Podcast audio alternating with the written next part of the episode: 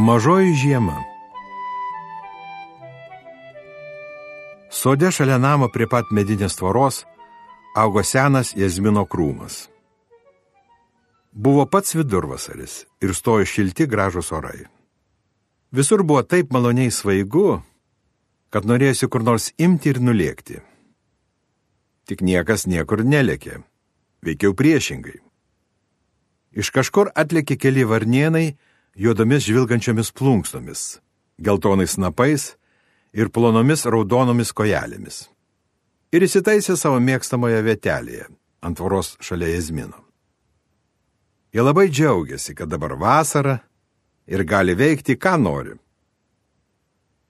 Anksti rytą gyvų čiulbėsių jie žadino visus sodo medžius, krūmus, gėlės ir net amžinai tinginčius keltis neskraidančius dvikojus to namo gyventojus. Dienomis kartais svilindavo toks karštis, kad varnienams nuo saulės tekdavo slėptis tarp tankiai apaugusių lapais jazmino šakų. Vakare karščio atliegus paukščiai vėl sutūpdavo ant tvoros. Jazminas buvo didelis ir labai gražus. Ypač dabar, kai pradėjo žydėti. Iš pradžių prasiskleidė vos du balti žiedeliai ir atrodė lyg žalias jazmino krūmas, viską, kas dedasi aplinkui, stebi mažomis baltomis akutėmis. Vėliau žiedų vis daugėjo ir daugėjo. Galiausiai visas krūmas apsipylė nesuskaičiuojama gausybė puošnių baltų žiedų. Ore pasklido nuostabus jų kvapas, kurį vos kartą užuodęs prisiminsi visą gyvenimą. Vardienams labai patiko jazminas. Jie tupėjo šalia puošnio krūmo ant tvoros, grožėjosi baltų žiedų kupolų, kraipė galveles ir gyvai reiškė susižavėjimą. Jis toks panašus iš tai tą debesėlį danguje, pasakė vienas. Tik šis ramiai stovi vietoje nenuskrenda tolin, vos tik pradedi juo gerėtis. O manis tarsi baltas pukuotas triušis, pridūrė antras. Ir kiti paukščiai pritariamai palinksėjo galvomis. Jo žiedų kvapas primena tą, kuris klinda pro vonios langelį antrame namo aukšte paslaptingai sukuždėjo trečias ir paaiškina. Ypač kai ten maudosi namo šeimininkė. Man jis panašus į žiemą apsniktą kalnelį, svajingai pratarė seniausias, šilto ir šalto matęs varnienas, tupintis kiek atokiau. Eik jau eik, radai su ko lyginti, sutartinai nusistebėjo jo gentainiai. Vis dėlto tas palyginimas nebuvo toks jau nevykęs.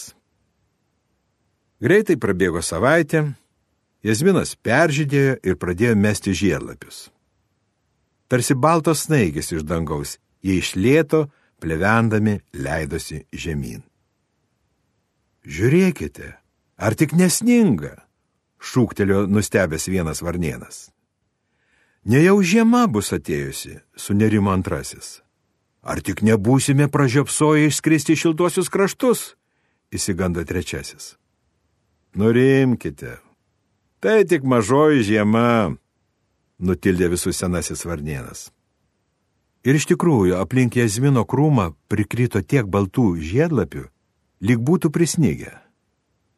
Atrodė, lyg į tą vietą būtų atėjusi tokia mažutėlė žiemužė. Eime paslidinėti, niekiek nesutrikęs pasiūlė senasis varnienas, nustebusiam savo draugams. Ir tie iškarčiam sumanimui pritarė nes ano varnieno autoritetas visuokise paskutiniu metu buvo smarkiai išaugęs.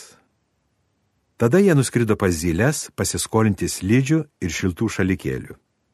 Mat zylės tais dalykais yra puikiai apsirūpinusios, nes rudenį jos kitaip nei varnienai iš šiltuosius kraštus neišskrenda, o lieka žiemoti.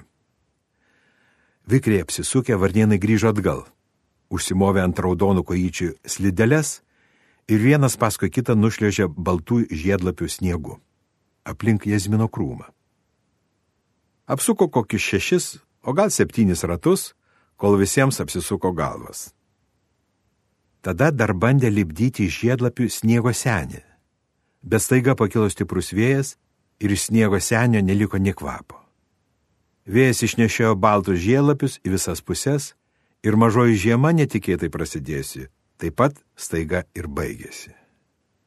Vis dėlto kokie nenuspėjami ir permainingi tie mūsų orai, sumurmėjo senasis varnienas.